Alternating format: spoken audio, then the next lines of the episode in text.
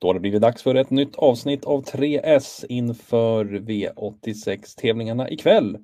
Och eh, med mig att gå igenom rubrikerna i det här programmet har jag Linus Eriksson. Hur är läget med dig Linus? Det är bara fint. Eh, solen skiner och vi har jackpot att spela om eh, ikväll på V86 så att det kunde väl inte bli så mycket bättre. Då taggar du till. Exakt. Det låter bra det. Ja, vi har ju tre rubriker att gå igenom och eh, det är väl ingen tid att spilla på något annat än att vi kör igång med den första direkt.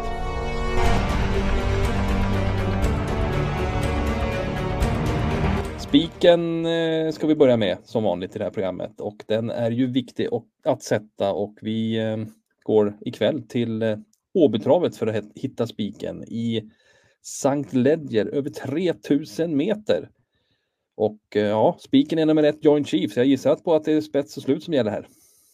Ja, det är väl vår tanke. Det är ju spets och slut har varit väldigt eh, gångbart för Joint Chief tidigare. Han har ju faktiskt eh, tre av tre från ledningen. Bland annat så vann han ju ett eh, ganska hyfsat lopp för tre startsedan på Jägersro. Tog han ju enkelt hand om ledningen från spår 3 och sen var det ju aldrig något snack om saken. Det här är ju en häst som eh, lovat en del men som det kanske inte riktigt släppt så mycket för som man eh, säkert hade hoppats på eh, från stallet. Men nu verkar det se, se, ut som att det börjar trilla ner den där berömda poletten. Han har läge för ledning igen. Han är väldigt stark. Tror inte 3 och 1 är några bekymmer.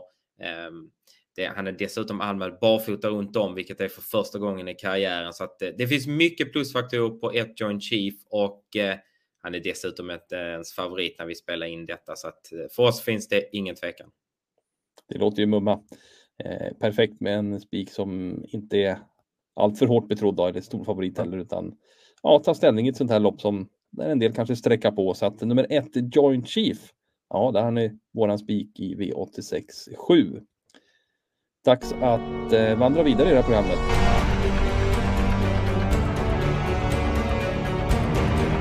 Jaha du Linus, vi fortsätter eh, vandra vidare för att hitta skrälloppet så går vi vidare till Åbytravet eh, igen.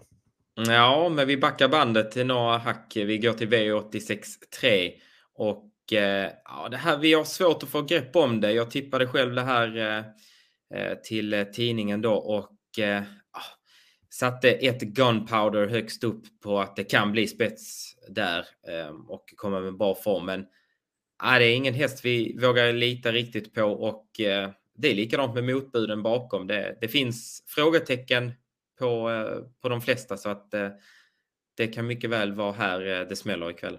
Har du någon skräll att bjuda och på och lyfta fram lite extra här då?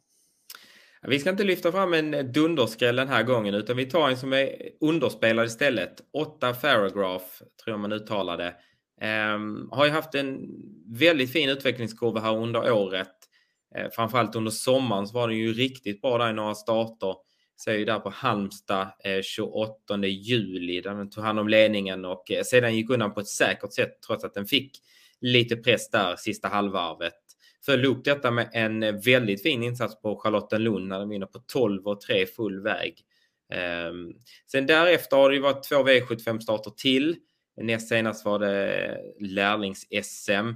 Fick ju väldigt dryg väg där fram till ledningen och eh, det var väl inte så mycket att säga att den stumnade sista biten. Senast kom han aldrig till, eh, hade ju spår 12 över kort distans på Jägersro. Det vet vi att det är nästintill omöjligt. Ehm, formen verkar i alla fall sitta där fortsatt. Man låter väldigt nöjda från stallet och eh, det här är faktiskt en av få tillsammans med nämnda Gunpowder som kan öppna från start. Så att även om man har spår 8 tror vi inte det han hamnar allt för dåligt till och ja, men låt säga att han skulle få en lite enklare väg än vad han fick näst senast på Åby. Då har han ju både hårdhet och, och styrka och fart för att eh, vinna ett sånt här lopp. Bara eh, strax under 10% när vi spelar in detta och det är för lite. Mm. Spännande. Eh, kul skrällbud där alltså i 8 Faragraph. Då återstår det bara en rubrik i det här programmet och det är inte så bara det, för det är chaset.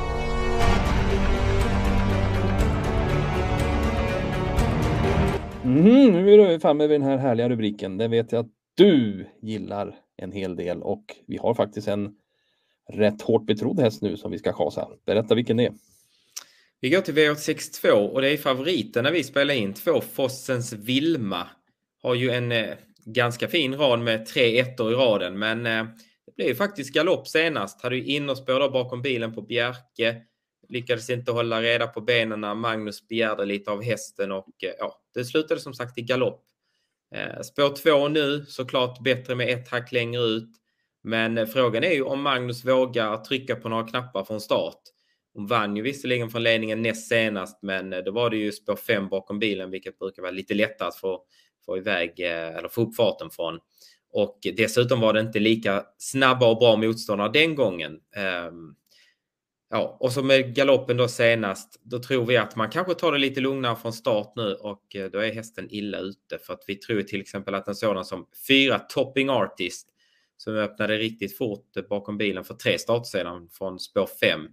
Tror till exempel han tar längden och eh, ja, då blir det ingen ledning för tvåfossens Vilma och eh, då känns hon ganska kallt som favorit. Mm, där hör ni. Chaset alltså illa ute. Favoriten där som när vi spelar in det här av Fossens Vilma nummer två i V86 2. Där hade ni alla rubrikerna och rubrikhästarna och det var dessa nu som jag ska sammanfatta. Spiken alltså V86 7 Nummer 1 Joint Chief. Skrälloppet V86 3. Där nummer 8, 8 Farragraph är den vi lyfter fram. Och så chaset då, det var ju det precis vi pratade om. V86 2, nummer 2, Fossens Vilma. Så att ja, lycka till ikväll nu då med ett lir och missa inte heller våran live-rapportering på Travrondens spel som börjar eh, 18.30.